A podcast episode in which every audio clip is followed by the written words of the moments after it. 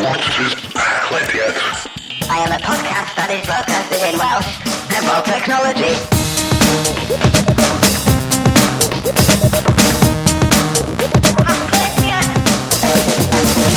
Helo, helo, helo, a chroeso i haglediad rhif 35, yr un byw o Hacio'r Iaith!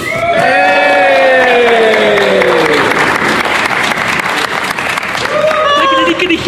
rhan. Mae'n anhygoel. Mae'n wahanol iawn i sort of eistedd yn y garage ar y Skype fel da ni'n arfer wneud. Diolch yn fawr i chi gyd am ddod yma i'r sesiwn haglediad yma yn Hacker Iaith 2040. Da ni yn ninas Bangor! Ie, yeah, Bangor peeps, ei! Hyfryd. Uh, dwi yma Sioned hefo Iestyn. Helo! A Bryn. Helo! Uh, a da ni'n mynd i fod yn siarad am ryw hanner awr fach ynglyn â beth da ni wedi gweld heddiw yn y digwyddiad. Uh, da ni'n mynd i gael cwbl o bobl yma i siarad am eu prosiectau nhw. Ac yn gyffredinol, jyst uh, joio'r profiad o gael siarad efo nerds eraill Cymraeg. Uh, hogiau, Bryn a Iestyn, da chi wedi bod yma wan trwy'r bore, da ni jyst yma cyn cynio. Um, mm. be da chi wedi weld, slash, be da chi'n edrych ymlaen amdano fo yng ngweddill y sesiynau? Wel, na i ddechrau ffwrdd efo um, hybu Bryn. Am fod, nes i fyth... Dwi, dwi un o'r... ma- Nath Bryn wneud sesiwn ar um, passwords, a dwi, dwi'n un o'r bobl na sydd yn cymysgu, tywod, zeros am uh, O's a falle, ac mae Bryn yn dweud dylen ni ddefnyddio brawddeg. Hmm? A dwi'n meddwl mae'n syniad gret. So, so dwi'n mynd i newid bob password. Dwi'n dwi ddefnyddio. Bryn, cer ni drwy. lle di roed fel, um, twyd fel y Condensed Shakespeare Company. Okay. I bobl di neud fersiwn bach o dy sesiwn di. So, mae passwords bach yn hawdd iawn i gyfrifiadur yn torri. Mae ag yn anodd i, i bobl cofio. Os ydych chi eisiau passwords gwell, dwi'n eisiau passwords hirach. E, sy'n cael ei wneud allan o 34 o eiriau cywir A mae hynny yn hy- yn anoddach i cyfrifiaduron torri, ond hawddach i bobl cofio. Ie, yeah, syml iawn. Um, ona, oedd Bryn wedi dangos comic ffantastig gan uh, The XKCD. Dwi'n mwyn gofaint yn chi sydd yn darllen hwnna. Ond uh, comic bach oedd wedi crynhoi hwnna'n berffaith. Felly, um, brawddegau newydd, falle ddo, bydd uh, un mm -hmm. passwords bobl rwan gan amla yn y dyn blin yna o hacio'r iaith 2004. Wel wedi, cysyno, um, Tesco wedi cael ei uh, hacio Oh. Ddiweddar, so. Mae Tesco wedi cael ei hacio be, rwan, fel, yn y dyddiau diwethaf, do, cos oedd hwnna'n sôn yn dy, yn dy gyflwyniad di, bod um, mae pawb, yn, fel wyt ti'n deud, ailgylchu, gret i'r blaned, ddim yn gret ar gyfer y uh, gyfrineiriau. Um, felly, da ni eisiau dweud uh, helo wrth y gynulleidfa yma. Um, diolch yn fawr i chi gyd am ddod. Os da chi'n sylwi gynulleidfa fyw yn ytrach na gynulleidfa adre, bydd gennych chi ddim cardiau bingo. Um, mae gennych chi gyd cardiau bingo ar eich byrddau. Um, Wanta. Mae nhw gyd rhyw fath. Ie. Yeah. Dyna'r slight problem. Dwi wedi creu cardiau bingo, ond unai mae pawb yn ennill, nid oes neb yn ennill. Uh, sydd yn chep iawn i fi ar wobrau, ond ddim falle'n greit ar gyfer chwaraewyr adre. Um, fydd y cardiau bingo yma yn dangos i chi yn gyffredinol beth sy'n arfer digwydd yn ystod pob rhifin o'r haglediad. Felly, os da chi yn darganfod unrhyw beth ar rhain, rhowch gylch yno fo, a dwi'n siŵr fy'n y wobr ar y diwedd.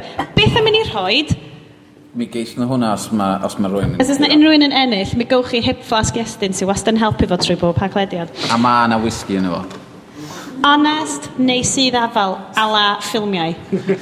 Bo beth di sydd afal. Ti'n be, di hwnna'n swnio fel sydd afal. Ww, anffodus. Dwi'n mynd o'r Ie.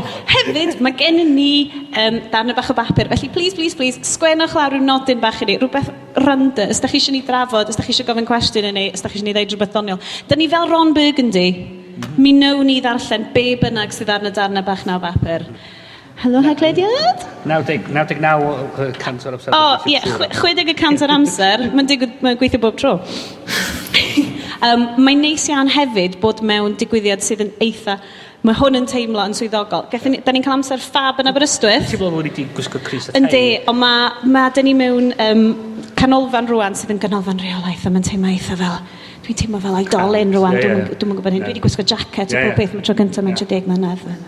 Um, felly, diolch yn fawr i, i Ganolfan Bedwyr am uh, roed y croeso i ni gyd yma ar gyfer y digwyddiad. Um, dwi'n bersonol yn rili really edrych ymlaen ar gyfer y, y sesiynau. Um, un enw sydd wedi dal fi ydi Gimp Mae Taid. Sesiwn ar gyfer creu memes Cymraeg. Hoffi yn fawr am hynna. Yeah. Dwi, dwi bob tro'n creu memes, o pan, pan dwi yn, nhw di'r memes gorau yn y byd. O, oh, da iawn. Um, dyn ni, ie, yeah, mae'r...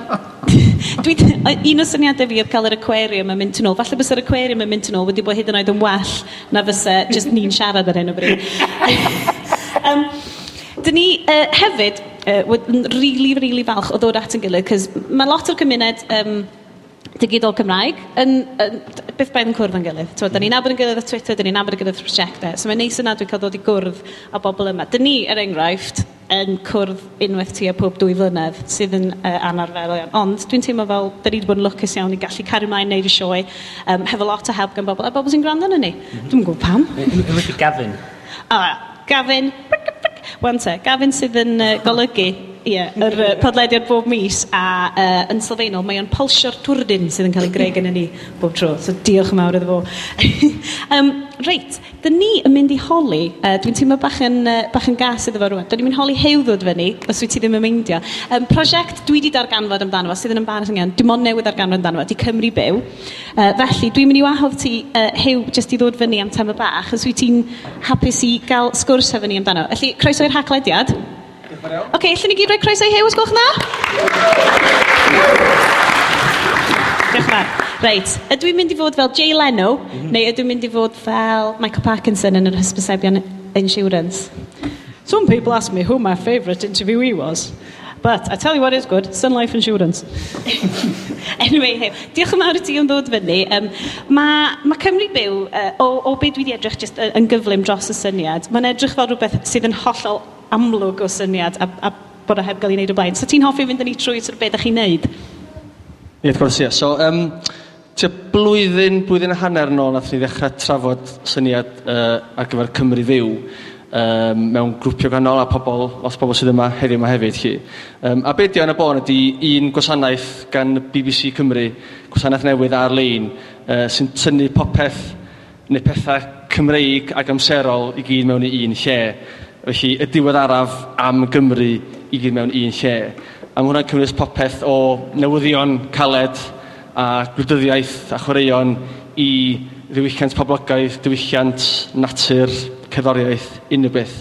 So pethau cyfredol, amserol, Cymreig i gyd mewn i un lle. Dyna byddu mewn, mewn brawddeg chi. Um, ond mae hwn yn, yn, yn syniad yn amlwg, um, da chi'n gweithio uh, fel rhan o'r BBC yn ei wneud o. Ydy o yn mynd i fod yn blatfform agored i greuwyr cynnwys eraill hefyd?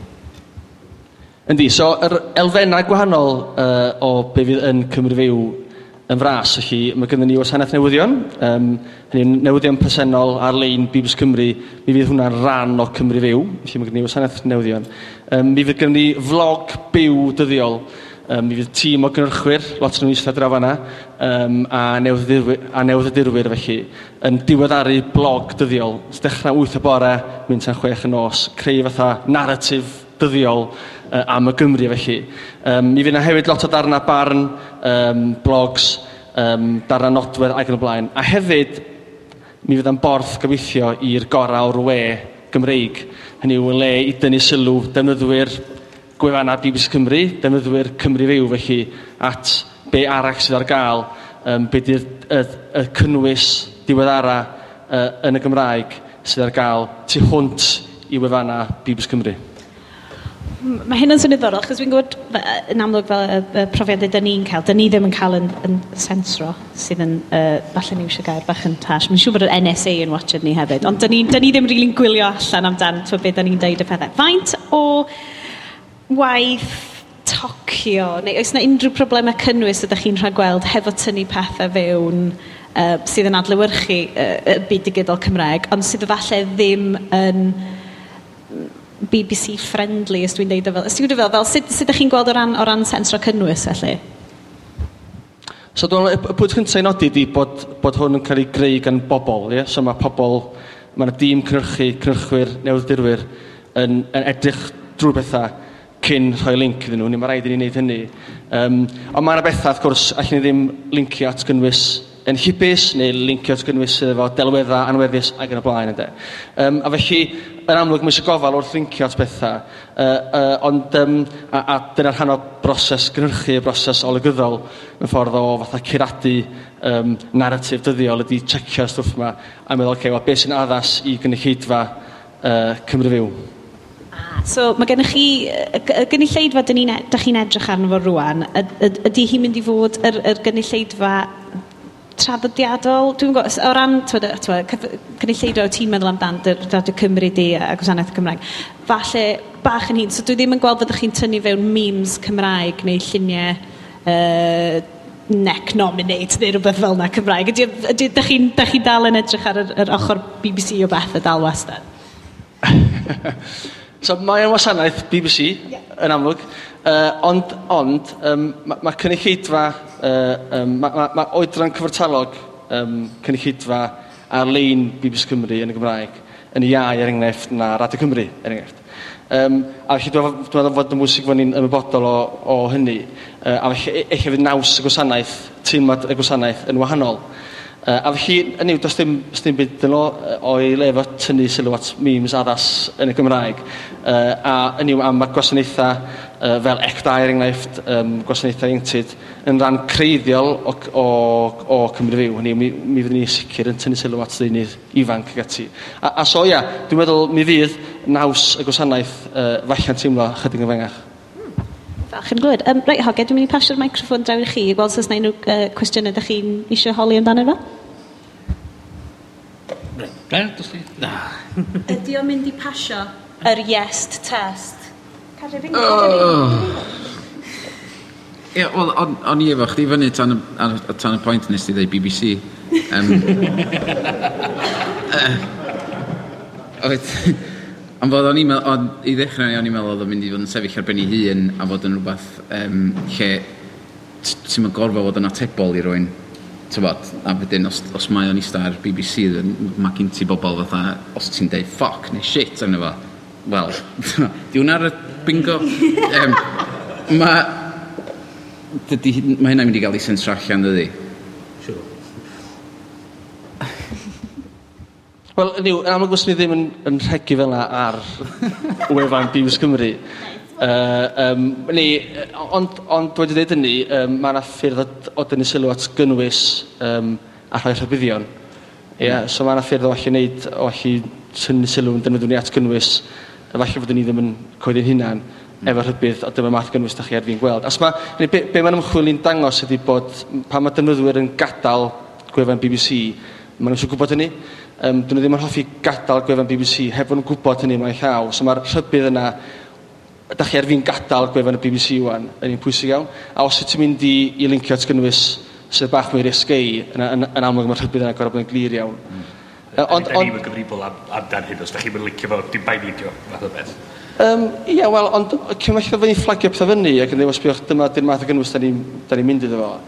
O- ond mynd yn wir am unrhyw wefan hynny mae ma' ma' rhaid i defnyddio'r wbod ia dyma'r dyma i lle dwi'n mynd i fynd ŵan a be' mae'r be' ma'r gwaith ymchwil yr user testing 'ma 'di bod 'di 'di ddangos ydi dydi pobol ddim yn hoffi gadal gwefanna BBC yn anisgwyl. Mm. Yeah. Um, ond um, ia 'di hynna'n atab at y cwestiwn? Yndi. Ma' ma' ma' un pwynt bach arall ella i neud ydi dwi meddwl fod o'n rhywbeth o gydnabyddiaeth bod mae gan um, y BBC felly y BBC Cymru um, bobl sy'n hoffi defnyddio gwefannau nhw, hynny mae gennym nhw fatha'n lo, lot o ddefnyddwyr am yn y wir am y Gymraeg hefyd. A bod gennym ni rôl falle i dynnu sylw defnyddwyr gwefannau BBC Cymru at be arall sydd ar gael. So ti'n ffordd, ti'n ti, ti, ti cymryd y ffordd y, y, y, un o gryfderau'r BBC ydy fod yna gynulleidfa sy'n dymuno gweld cynnwys yna. A ti'n deimlo sbioch dyma be arall sydd ar gael yn y Gymraeg allai jyst holi hefyd, o ran um, y curadu dyddiol yma, y blog dyddiol yma, ydych chi'n mynd i wneud mwy o bethau sydd falle yn, yn croesyrwyddo hefo um, gwasanaethau S4C o gwbl? Uh, so mae yna, um, mae sawl peth i sôn am yna, mae S4C yn dod yn rhan o'r iPlayer yn yr, yn yr hydref, felly mi fydd S4C yn sianel, lle mae hiw, um, mi yw'r esbrygatws yn sianel uh, lawn o fewn yr iPlayer, dwi'n meddwl sy'n datblygiad cyffroes iawn, um, i BBC a hefyd i S4C. Uh, a mae S4C yn amlwg yn, yn barner pwysig iawn dydy i'r BBC felly. Uh, ond, um, a mae yna lot o gyrff eraill dos, da ni'n meddwl am, am lefydd fel siafau cenlithol, am geddfa ati, lot o, o, o gyrff uh, sy'n fod yn barneriaeth pwysig, yn Cymru. Ond hefyd bys ni'n hoffi pwysleisio bod dim dim ond y cyrff mawr coeddus yna sy'n bwysig, mae unigolion yn llawn cyn bwysiced. A fawr, un o'r, un o'r heriau i ni a i'r tîm cynhyrchu ydy um, sicrhau bod ni'n gwybod beth sy'n gael. So sicrhau bod ni'n gwybod, ie, dyma'r cynnwys diwedd ara sydd, sydd ar gael a fod ni yn gallu lincio at cynnwys yna pan fod yn addas. Wel, fe hynna'n falle beth y uh, dau, ti'n i bobl fan hyn i fod yn, yn rhannu uh, cynnwys nhw hefo chi. Um, o'n i yn y sesiwn hype lleol uh, fy ni stair, ac oedden nhw'n sôn o'r un un peth ynglyn â um, ydy digido uh, papurau bro yn mynd i ladd allan y, y fersiwn papur y pethau fel yna. Um, ym ha, pa ffordd, so, so ar pa platforms da chi'n mynd i fod yn rhoi'r gwasanaeth allan? Pa ffurf mae'n mynd i gymryd uh, pa mae allan yna? So mae o'n uh, mae, mae o'n wefan, yeah, so mae o'n mae o'n wefan a mae o'n wefan um, symudol, mae o'n wefan um, responsif llawn i chi. Felly mi fydd yn gweithio ar desktop a mi fydd hefyd yn gweithio uh, ar, uh, ar declinau symudol. A Felly mae o'n mynd i weithio um, ar bob cyfrwng i. A'r gobaith ydy fydd, yn i'w, mae ma, ma, ma, ma rhywun yn meddwl am y, am y blog byw neu'r llif byw yma felly. Um, fel un esiampl o rhywbeth ti wir angen ar dy ffôn, hynny mae'n rhywbeth sydd yn mynd i weithio, mae'n fatha bite-size bach, darna bach fel Twitter estynedig bron. Uh, a felly mae'n bwysig iawn, oedd yn bwysig iawn i ni wrth i ni sefydlu'r gwasanaeth bod o'n mynd i, mynd i weithio felly ar bob, ar bob, bob, bob platform. Mm. So pryd, pryd, pryd fydd o'r yn fyw? um, yn y gwanwyn. So, um, yeah, anelw week yn fwriadol. Mae'n ma, ma anodd, um, da, da ni'n ni pilota ar hyn o bryd, a mae'r wefan yn cael ei adladu ar hyn o bryd. Uh, so, ond dwi'n gynnu i ddweud, o, ar ddyddiad so so, achos fel da ni'n gwybod, yeah, pethau gallu llithro. So, dwi'n meddwl eitha saff i ddweud yn y gwanwyn, a dyna gyd am ywan. Eleni, yn y gwanwyn Eleni, ie. Na fo. Dwi'n dweud yna. Ie. Sori, a byddwch chi'n rhoi fersiwn uh, testio allan i bobl gael, gael profi o gwbl? Fel mae ma S4C wedi wneud efo fersiwn newydd clic nhw, wrth gwrs. Ie, mae'n bosib bydd... Um, mae hwnna eto gadarnhau um, os fydd y fersiwn bita uh, neu os fydd ni'n blansio iawn, ond um, uh, efo fersiwn byw felly. Ond um, uh, bosib fyna, mae hwnna i'w gadarnhau a fyna rhyw fath o... Fyswn i'n syni os fyna rhywbeth eich ar, ar, ar, ar dechrau hwnna. Wel, diolch yn fawr i ti, Hugh. Diolch am siarad hwnna. Uh, diolch yn fawr, Hugh.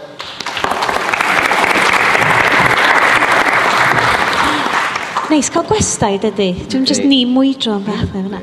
Um, so hogia, uh, o ran gwasanaeth fel yna, dwi'n gwybod nhw ti'n byw tu allan i Gymru, um, a yes, dyn nhw ti'n byw ar blaned arall. So, so, um, Dyn nhw'n ffordd neis i siarad gyda'r Dwi'n wan ar y ffordd.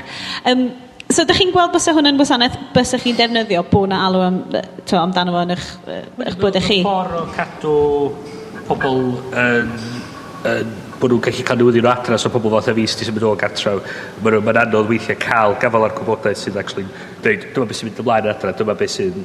A sy'n berthnasol, yeah, achos dwi ddim yn cael lot yn Na, a mae o'n, syndi, mae o'n neis cael, gallu cael gwybodaeth yna bod gyd o dyn lle da a bod na rhywun wedi mynd a di tynnu'r stwff rybys allan a di cadw'r stwff sydd actually o safon reit uchel, so...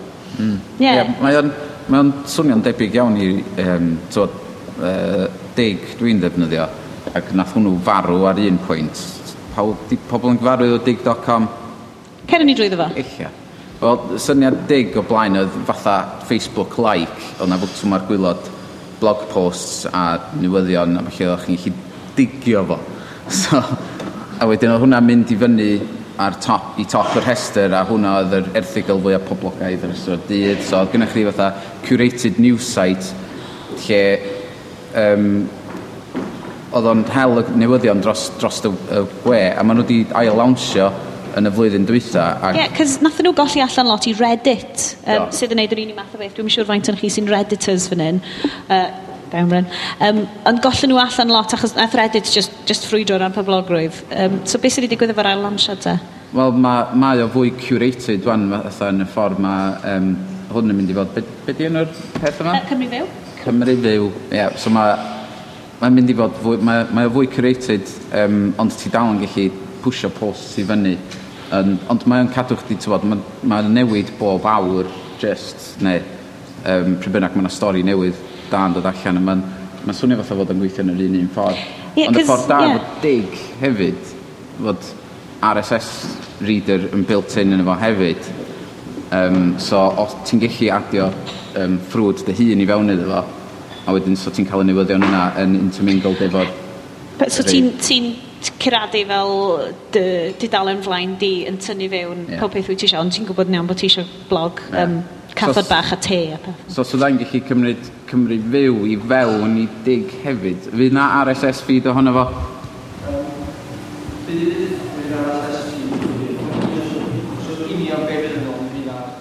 mi fydd na RSS feeds eilla. Yn y gwanwyn. Yn y gwanwyn. Blwyddyn yma. Rhywbryd. Um, achos be, ti'n be da ni'n gweld lot efo, efo, efo Reddit ydy, ydy codi ni beblogrwydd a pethau rwan. Um, Mae'r ma gymuned Gymraeg ar Reddit yn yna, ond ddim yn ofnadwy o fywiog, dwi'n sylwi. Mm. Um, ydy'r y, y, y busnes pleidleisio yma, so uh, dwi ddim yn siŵr os di hwnna tyma, wedi adeiladu fewn y Cymru fyw, ond bod yn, bod yn ffordd, bod y gynulleidfa di wedyn yn lleisio barn ar be wyt ti eisiau. Cos dwi'n siŵr bod lot yn chi fan hyn sydd yn creu gwefannau neu'n creu cynnwys. Hwna ydy'r peth bwysig a ti'n dweud. Ti eisiau bobl hoffi fo, ti'n ma, rhoi sylw nôl amdano fo falle? Um, ia, ond dwi'n... Dwi, dwi, Dos am gymaint o hynna, ie, er fod dig yn dros y byd i gyd, dos am gymaint o hynna yn cymryd rhan ac yn pwysio post i fyny. A dyna oedd be nath achosi iddo fod ddisgyn, dwi'n meddwl. Yeah. Um, fod doedd y gynulleidfa ddim isio cyfrannu gymaint yna. Dyna di problem lot o bethau enwedig yn Gymru. fod di bobl isio Cymru rhan. Um, so, dwi'n meindio os ydy hwnnw mewn efo, dwi'n meindio os mae'n handpicked, just fod nhw'n dewis y pethau gorau. Um, a... Cwradu'r math o cynnwys da, nes siw bod yr actual roach ddim Wel, ti'n fel da ni wedi sylweddoli, mae'n siŵr fydd yr haglediad ddim anno fo, cos da ni'n enllibus bus a ddim yn ofnadwy o safonol rhan fwy o'n amser. um, na, da ni wedi bod uh, unwaith eto yn lwcus iawn yn y digwyddiad byw yma, da ni'n cael uh, cwpl o bobl fyny siarad fyny, felly da ni'n mynd i wahodd rwy'n arall fyny. Um, illtyd, Oes gen ti amser i sgwrsio fyny? Uh, mae gennym ni uh, aelod o'r staff fan hyn o'r Llyfrgell Genedlaethol. Um, Ellyd yn mynd i ddod fyny siarad amdano prosiectau digidol sydd nhw mynd fyny na rwan.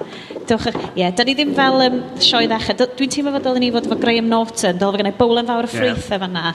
Glas bach o wyn bach neis i ti fanna. Yn anffodus, jyst ni sgan ni. Uh, felly, Ellyd, hoffi ti uh, esbonio so, be, pa fath o prosiectau digidol ydych chi'n wneud fanna yn y, yn y llyfrgell a be dy dy waith di yna? Ie, helo, dwi'n mor excited i fod yn y rhaglediad gyda llaw. Um, ia, dwi'n Bennaeth IT yn y Llyfrell Gen, a dwi yma i sôn am 5 neu 6 o brosiectau sgynno ni, felly byddwch yn amlwg ar.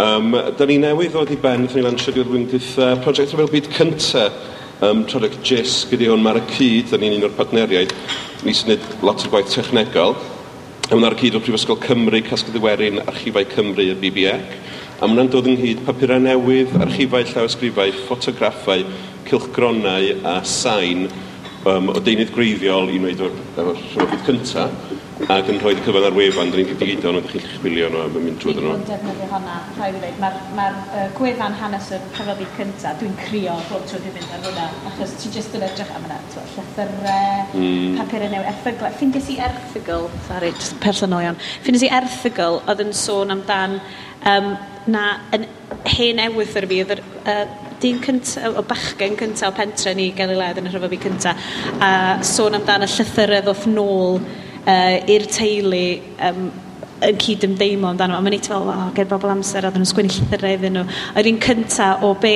deg pymtheg o hogi'r pentre, a pentre bech iawn. A o'n i'n mynd ar eich gwefan chi, a jyst yn beichio crio, eitha embarrassing, cos o'n i'n y gwaith ar y pryd, a ddim peth gorau. Um, ond y uh, uh, math yna o waith, yn agor hwnna allan i bobl, um, mor ddefnyddio, twa, a hefyd mor um, arloesol, swn i'n eich meddwl, mae'n mae gret i, i agor hwnna allan.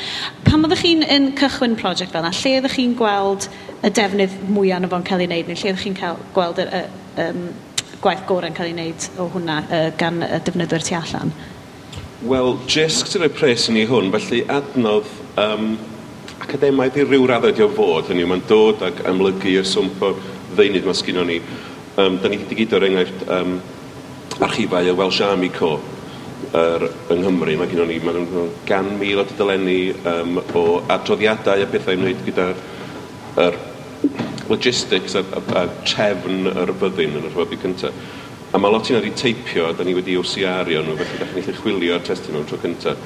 Cyn hynny, ti'n gwneud hynny, sgwyr dod i'r llyfrgell, ti'n gorau cael dwsinau o foxes allan wrth gorau mynd trwy ddyn nhw un wrth un. Mae wedi catalog i ryw radd, a mae gen i beth metadata o gwmpas nhw. Ond mae hyn yn amlygu am tro cyntaf testyn sy'n caniatau pobl i chwilio, ffindio pethau sy'n yn, yn lot, lot haws. Ac wrth gwrs, does dim rhaid chi ddod i Aberystwyth, chwaith. Di hynny ddim yn bonus, falle, ond yn union. Os wyt ti'n gallu cyrraedd Aberystwyth? Os ydych chi'n gallu cyrraedd Aberystwyth, ie, sy'n byth yn broblem. Felly, jyst mi gael dweud cymru1914.org ydy'r wefan yna. Um, ac ar gyfer hwnna, da ni wedi digido papurau newydd yn rhoi nhw'n siŵr llif gwaith wnaethon ni ddatblygu ar gyfer papurau newydd y 415, neu papurau newydd hanesyddol. Da ni wedi digido holl ein casgliadau papur newydd sgynno ni o rhediadau cyflawn neu lled gyflawn hyd at 1910 am reswm hawlfraint, da ni wedi stopio fyna, mi fydda yna fwy yn dod yn y dyfodol, sgan i bres.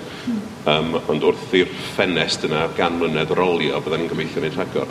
Ond da ni wedi wneud cyfnod yr, ail, yr rhyfoddi cyntaf 1904-1918 um, ar gyfer y prosiect yna. Felly, i roi plug i pethau newydd, da ni dal yn rhoi deunydd i fyny ar hwnna, ar y gwaith i gyda o'r i gorffa, mae'r llif gwaith yn mynd rhagddi. Ac wrth osdwytha, da ni wedi cyrraedd 650,000 o dydlenni, sy'n 6.8 miliwn o erthyglau. Um, 99 gwahanol deitl papur newydd um, o bobman yng Nghymru, um, o Mae y drych di mynd fyny, oedd yn bapur newydd Cymraeg o'r unol dyleithiau, yn y bedair ganrif 15. Yn hwn yn lot o hwyl. Ewch i weld, e, os chi'n chwilio yn y deunydd yma, mae'n bethau... Do'n i wir yn gwybod bod ffasiwn bethau'n cael ei cyhoeddi. Um, hwnna, achos ac, ac, ac o'n bobl eisiau um, chwarae adre uh, neu chwarae yn ystafell. So be fydde, os di rwy'n eisiau chwilio rwan am y drych, um, be, be, ar pa didalen fydde hwnna wedyn? papurau newydd Cymru.lgygec.org.uk ydy hwnna. Um, Mae'r Western Mail, mae'r gweddill ond nhw, dyn ni'n mynd i gyrraedd 1.1 miliwn o dudlenni a fydd hwnna wedi gorffan mwy na thebyg ym mis Ebrill. Um, mae'r Western Mail hefyd yn dod, da ni heb wedi gyda hwnna, mae'r Llyfrgell Brydeinig yn Llundain wedi gyda hwnna, ond maen nhw wedi rhannu'r deunydd gyda ni, dyn ni'n quid pro quo a sopio deunydd efo nhw. Ond, os da chi eisiau gweld y Western Mail ar wefan Llyfrgell Brydeinig, rhaid chi fynd â talu. Llyfrgell Gen, gyd am ddim, wrth gwrs, dyna'r syniad. Um, da ni hefyd yn rhan o'r un prosiect wedi'i gwneud cylchgrona 2015, um, na filiwn o dylenu o'r rheini. Uh, di heina ddim yn fyw eto, mi fyddwn nhw'n dod yn fian, a mi fyddwn ni'n ymuno nhw efo cylchgrona ar ei geinfed ganrif, da ni wedi gwneud eisiau ysgydig flynyddoedd yn ôl. Um, felly bydd hwnna 1.4 miliwn o dydlenni uh, wedi OCR-io a gallu chwilio nhw. Cylchgrona 2015 ddim mor exciting o papurau newydd yn hybu achos mae nhw, mae lot o'n wneud efo dirwest ag um, uh, crefydd i fod yn gwbl onest. Wel, ie. Yeah. Rhain oedd y big things dwi'n am efo Cymru yn y bydoedd ganfod byntheg.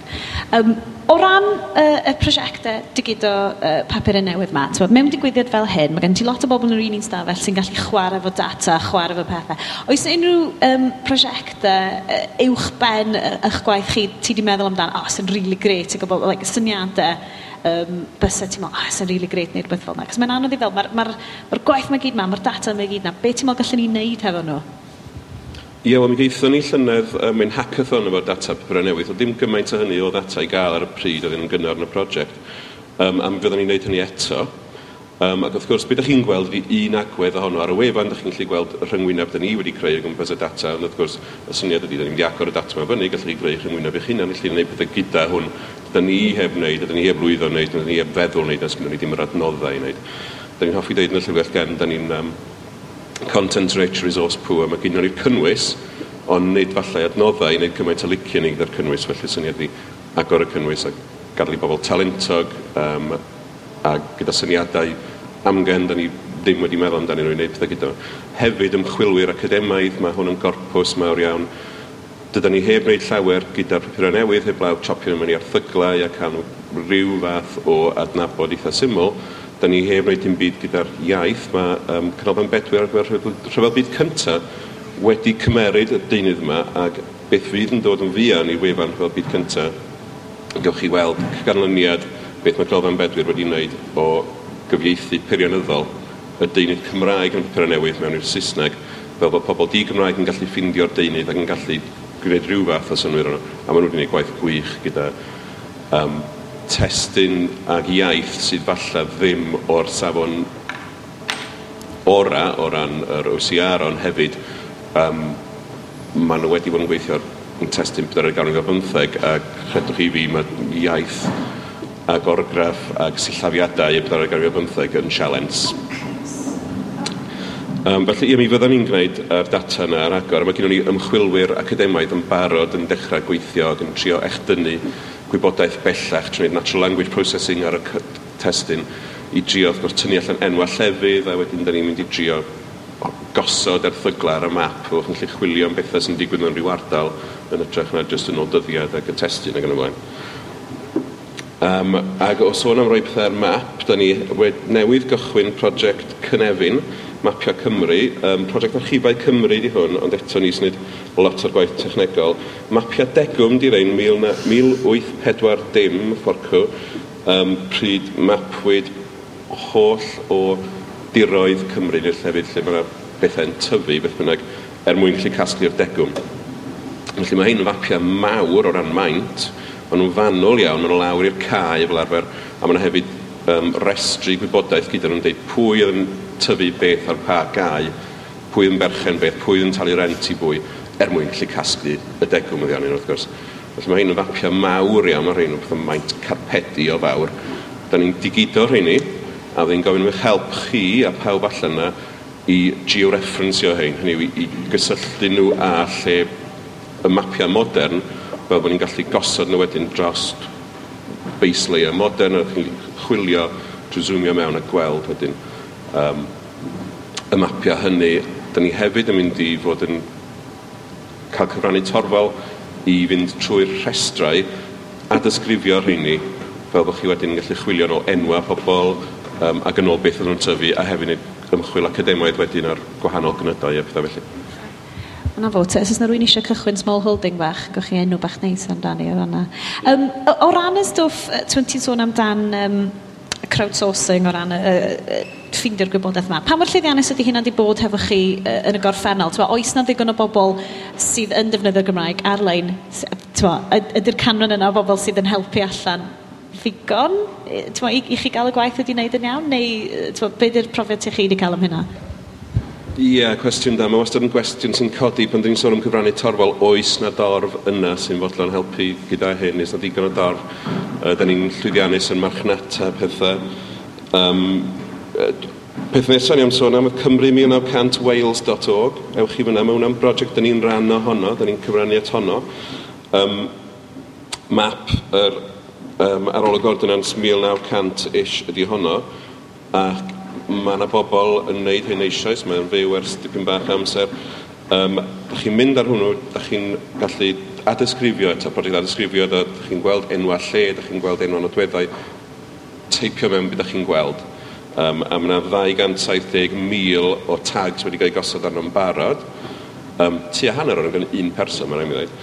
Ond um, Falle di hwnna'n gael ei farchnata ni gynda, mae hwnna'n adnodd gwych. Allwch chi weld y map 1900 um, ar raddfa uh, uchel, ni wedi chi'n mynd reit mewn a gweld pethau, a mae chi slider bach i slider map modern. Felly, os chi eisiau gweld cyn lleiad mae Cymru wedi newid, a bod yn gwybod onest, ys 1900, mae hwn yn wefan wych i wneud e.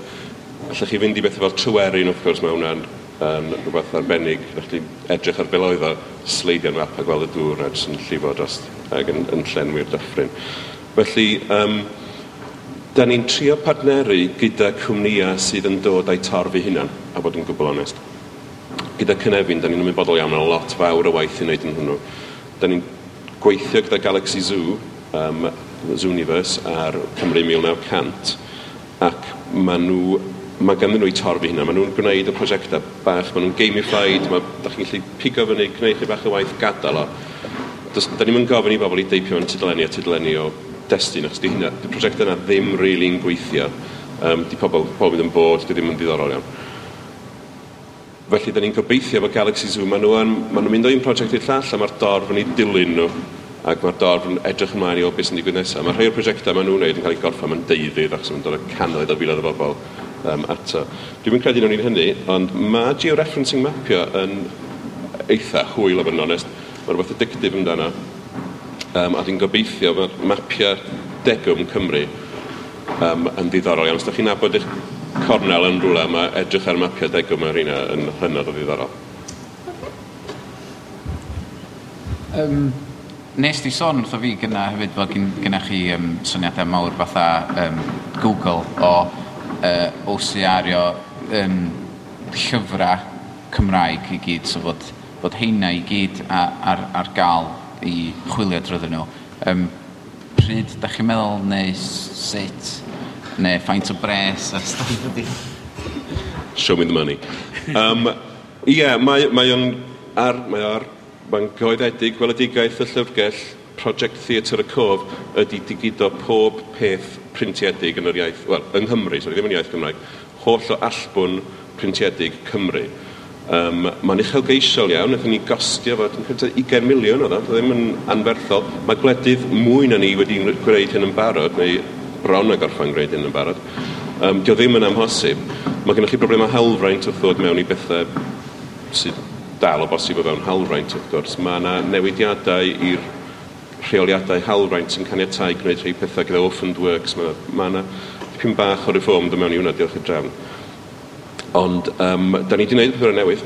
Mae, mae holl y casgliadau sgynnu ni, mae'n chydig iawn o gaps sydd ar ôl rhediadau stwff sgynnu ni ddim ohonyn nhw. Da ni wedi gwneud i chylchgronau, beth sgynnu ar ôl i'r llyfrau, ac o bod yn onest, mae llyfrau'n dipyn haws na. Cylchgronau a pethau newydd i'w trin ac i'w sganio metadata, mae pob beth dipyn yn haws ar gyfer nhw. Ond mae dal angen swmp o bres i wneud nhw. Um, ond ffindiwch chi bod Google wedi wneud lot o'n nhw'n barod. Mae yna degau o filoedd o lyfrau Cymraeg um, gyn Google a Microsoft ar y we eisoes. Mae wedi cael hynna o gelloedd gwledydd eraill yn America, Australia, um, um, Lloegr. Um, ond dyna di'r bwriad i, i greu y cyfan. Um, ac wrth gwrs, da ni, da ni chwilio am bres i wneud hynny. Da ni'n gallu gwneud, i ryw raddau, da ni'n gwneud yn tresora hynna'n fel rhan o'n gwaith craidd, ond pan mae'n dod i brosiectau fel papurau newydd, Gaethon ni ddwy filiwn o bunnoedd gen y cnilliad i wneud hynny, a dyn ni'n falch iawn ohono, yn diolchgar iawn am hynny. A dyna'r math o lefel o bres sydd angen i wneud prosiect felly. Oes o gofyn efo trwyddeda falle ar, ar iwsio'r data i greu prosiectau newydd, be, be di'r dan, dan pa mae'r data mae'n cael ar gael? Mae'r mae'n ma dibynnu, da ni, da ni, mae rhai o'r prosiectau dwi wedi sôn amdano, da ni'n um, bartneriaid ynddyn nhw, ond ar y cyfan, Creative Commons, rhai agored, da ni'n awyddus iawn i'r deunydd mae'n gael ei ail ddefnyddio, da ni ddim yn berchnogol ohono. Da ni hefyd yn eitha arloesol yn ein bod ni wedi cymryd penderfyniad um, sy'n un eitha logical cyfreithiol. Os da ni'n digidol wedi allan o halfaint, does gen ni ddim halfaint yn y fersiwn digidol. Um, oherwydd does dim byd creadigol wedi mynd mewn i'r gwaith o greu y fersiwn digidol, ond mi ffindiwch chi bod rhan fwyaf o sefydliadau yn mynnu hawlfraint yn ei delweddau digidol o bethau canedd o flynyddoedd oed. Um, a mae'r Llyfrgell Gymdeithol yn un chydig sefydliadau yn y byd sydd wedi sefyll fyny a dweud na, does dim hawlfraint yn y fersiwn yma. Pobl yr apus ar um, Felly, does dim wedi stopio chi gymerid yeah. y dim sy'n allan o halfraint, mae yna bethau da ni wedi gyda sy'n o fewn halfraint, sy'n mynd i'ch stopio chi gymryd y delweddau yna a gwneud rhywbeth gyda nhw. Ac hefyd, da ni'n gobeithio rhoi mynediad, da ni'n mynd disgwyl bod chi'n screen sripio gwefannau hefyd, mi fydd na um, bethau'n dod llyn chi lawr lwytho erthygla papurau newydd ac yn y blaen i gael wneud um, deunydd amgen ohonyn nhw. Da ni ddim yn dweud bod ni'n rhoi mynediad i'r scans enfawr meistr da ni'n gwneud. Dwi'n cael y tiffs. Ti'n yn cael y tiffs, mae gennau ofn.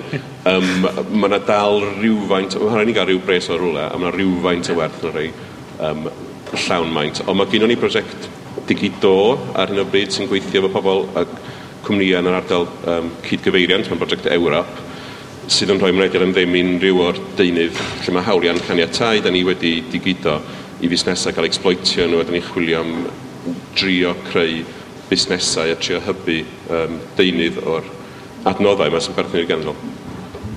Diolch yn fawr, ie, cys allai weld ti'n modd, mae yna ma, ma fusnesau i i'w wneud. Ti'n gallu gweld uh, cwmnïau bach dechrau yn gwneud posteri Cymraeg, yn gwneud prints, textiliau pethau, just e, e, ac tyfu o fanna, ynddi.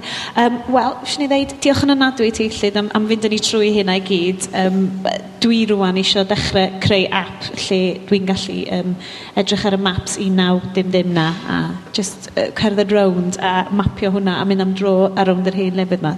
Lle mae mreni rwan yn ffidlan mi fydde ni'n gallu gwneud hynny cyn bo hir, achos mae casgliad y werin, was i'n gwybod, nabod casgliad y werin, da ni'n rhan o'r prosiect yna, mae hwnna'n cael ei ailansio'n fuan iawn iawn, um, ar wefan ddydwn ni sydd allan fwy hylaw. Um, a mae hwnnw yn cynnwys um, mapping layers o gwahanol oesoedd, ac mae hwnna'n caniatau i chi, neu mi fydd o yn caniatau i chi greu trails i'ch hunain a gosod o'r maps a wedyn cymryd nhw ar app a mynd i ffwrdd. A da ni'n gweithio gyda nifer o bartneriaid yn y prosiect yna, um, a mae hwnna'n rhywbeth sy'n mynd i ddatblygu lot um, dros yr blynyddoedd i ddod. Anreg bach ar y diwedd yna. Um, diolch yn fawr, Illyd. Y allwch chi ddeud diolch yn fawr? Dwi'n gofyn am os gen e i unrhyw cwestiynau. Dwi'n dros dossi. Ti wedi siarad, ti wedi siarad. So, uh, gych chi'r post-it notes ar uh, byrdos. Os gych chi unrhyw gwestiynau, dach chi eisiau... Gofyn, nes, dach chi eisiau gweiddi? Ah. O, come on, mae'r pobl ddim yn swil, come on. Mm. Sa neb di yfa, digon ni ddim angen. Ni wedi. So, o... Ti'n gofio sôn am yr pobl sy'n weithio gyda ni dros y blynyddoedd, y datblygwyr, y talentog, megis y dyn sy'n dal. Be? Pwy? O, o.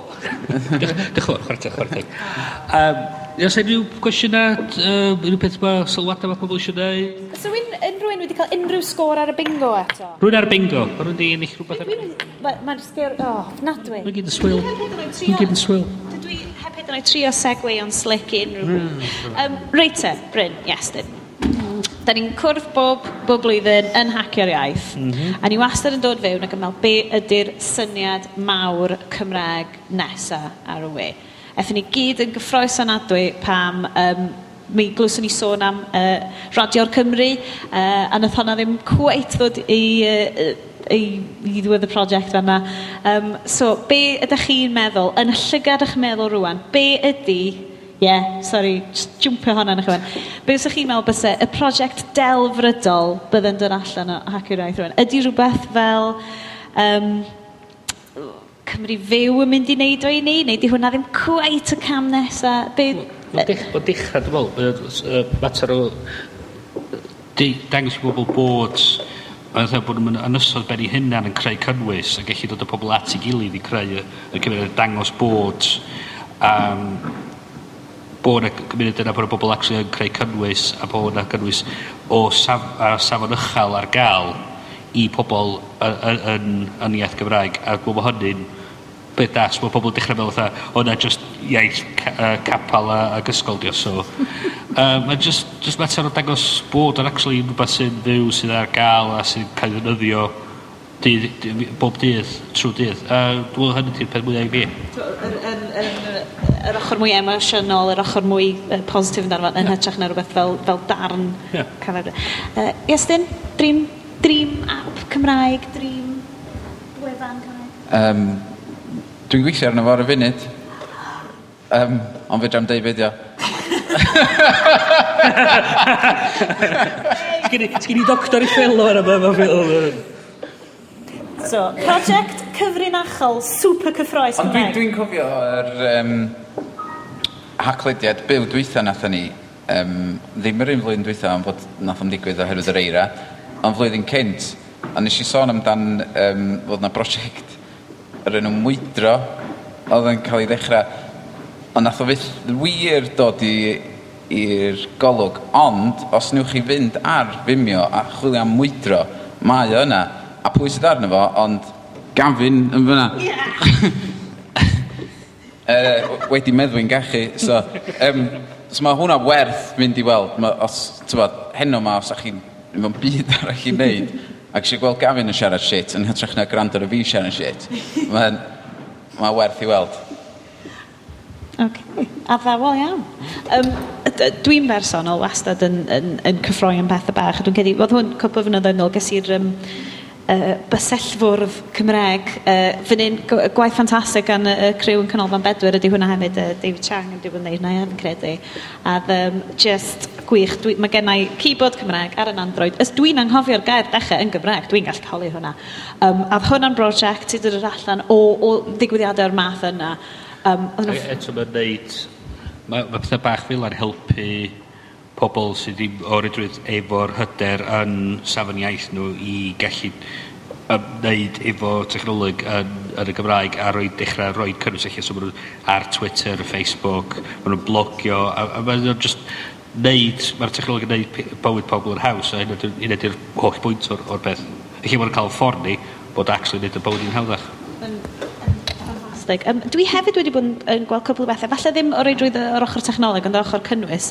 A dwi ddim yn siŵr pwy uh, yn union ydy'r criw ti'n ôl fo, ond mae yna ma, ma prosiectau bach digib, digidol fel Clep Dim Trep, fi'n gwybod bobl arall i gweld hynna, a um, Clep Dim Trep, ti'n afod, fel, os ydych chi'n googlo fo, K Clep Dim Trep, mae yna fel, mae fel, dwi'n mynd siŵr beth, mae fel, uh, record label, mae ma fel art project, art, mae fel record label Cymreg sort of ffug, ond dwi ddim yn siŵr os ydy o'n ffug chwaith. A mae yna fideos yna fo, mae yna ffrydiau, mae yna gerddoriaeth, a lot o bethau really creadigol yn digwydd hwnna.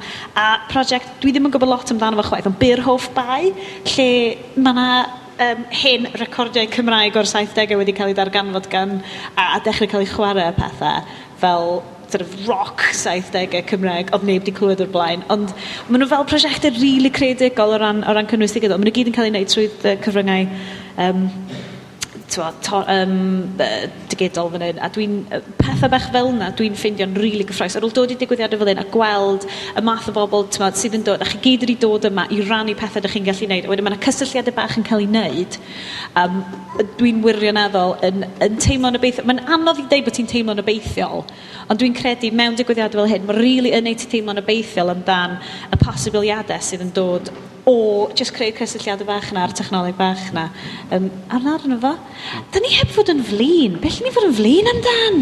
Dwi'n meddwl, sa'n byd. Dwi'n meddwl cedi bod yna byd efo fi. Da ni'n really positif. Da ni'n really ddiolchgar i chi am istafod. Gallech chi fod ydi cerdded ffordd ys a'ch eisiau, ti'n ma, yn gwirionedd gwrando chi. Da chi'n really ddiolchgar o'ch chi gyd i aros yma hefo ni. Sa'n byd i fod yn flin amdan, mae'r bwyd di cyrraedd. Och!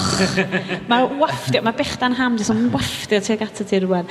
Um, felly, um, dwi'n cedi y cyfan sgan ni i gloi ar hyn o bryd be fyddwn ni'n deud ydy, um, os da chi wedi hoffi beth chi wedi clywed, llwch chi fynd nôl drwy'r archif, so chi haceth.com, mae'n gen ni lot o rifynau yna, mae'r rhain yn nhw'n uchaf bwyntiau, mae'r rhain yn nhw'n amlwg yn nosweithau syl, ac oedd pethau ddim credu yn mynd yn. Lot um, fwy o hynna. Ond dyn ni wastad yma uh, i, i siarad amdan yr... Uh, uh, tywa, pethau digwyddo. Da ni, da ni wastad yn siarad am pethau falle sy'n dod o America um, a Ewrop yeah, a pethau hefyd. O, technoleg, ond yn ei gyd destyn Cymraeg. Felly, i ddiwedd yr haglediad byw, da ni'n mynd i ddeud y ta, wedyn da ni'n mynd i fynd i'n chi nôl uh, i'r digwyddiadau. Yndi, yndi, oce. Okay. So, ar gyfer y recordiad, ni'n mynd i ddeud diolch yn ynadwy chi gyd am uh, rando. Gobeithio gewch chi weddill y digwyddiad ffantastig. Um, a diolch yn fawr i chi a pob lwc i Hacker 2040. Yay!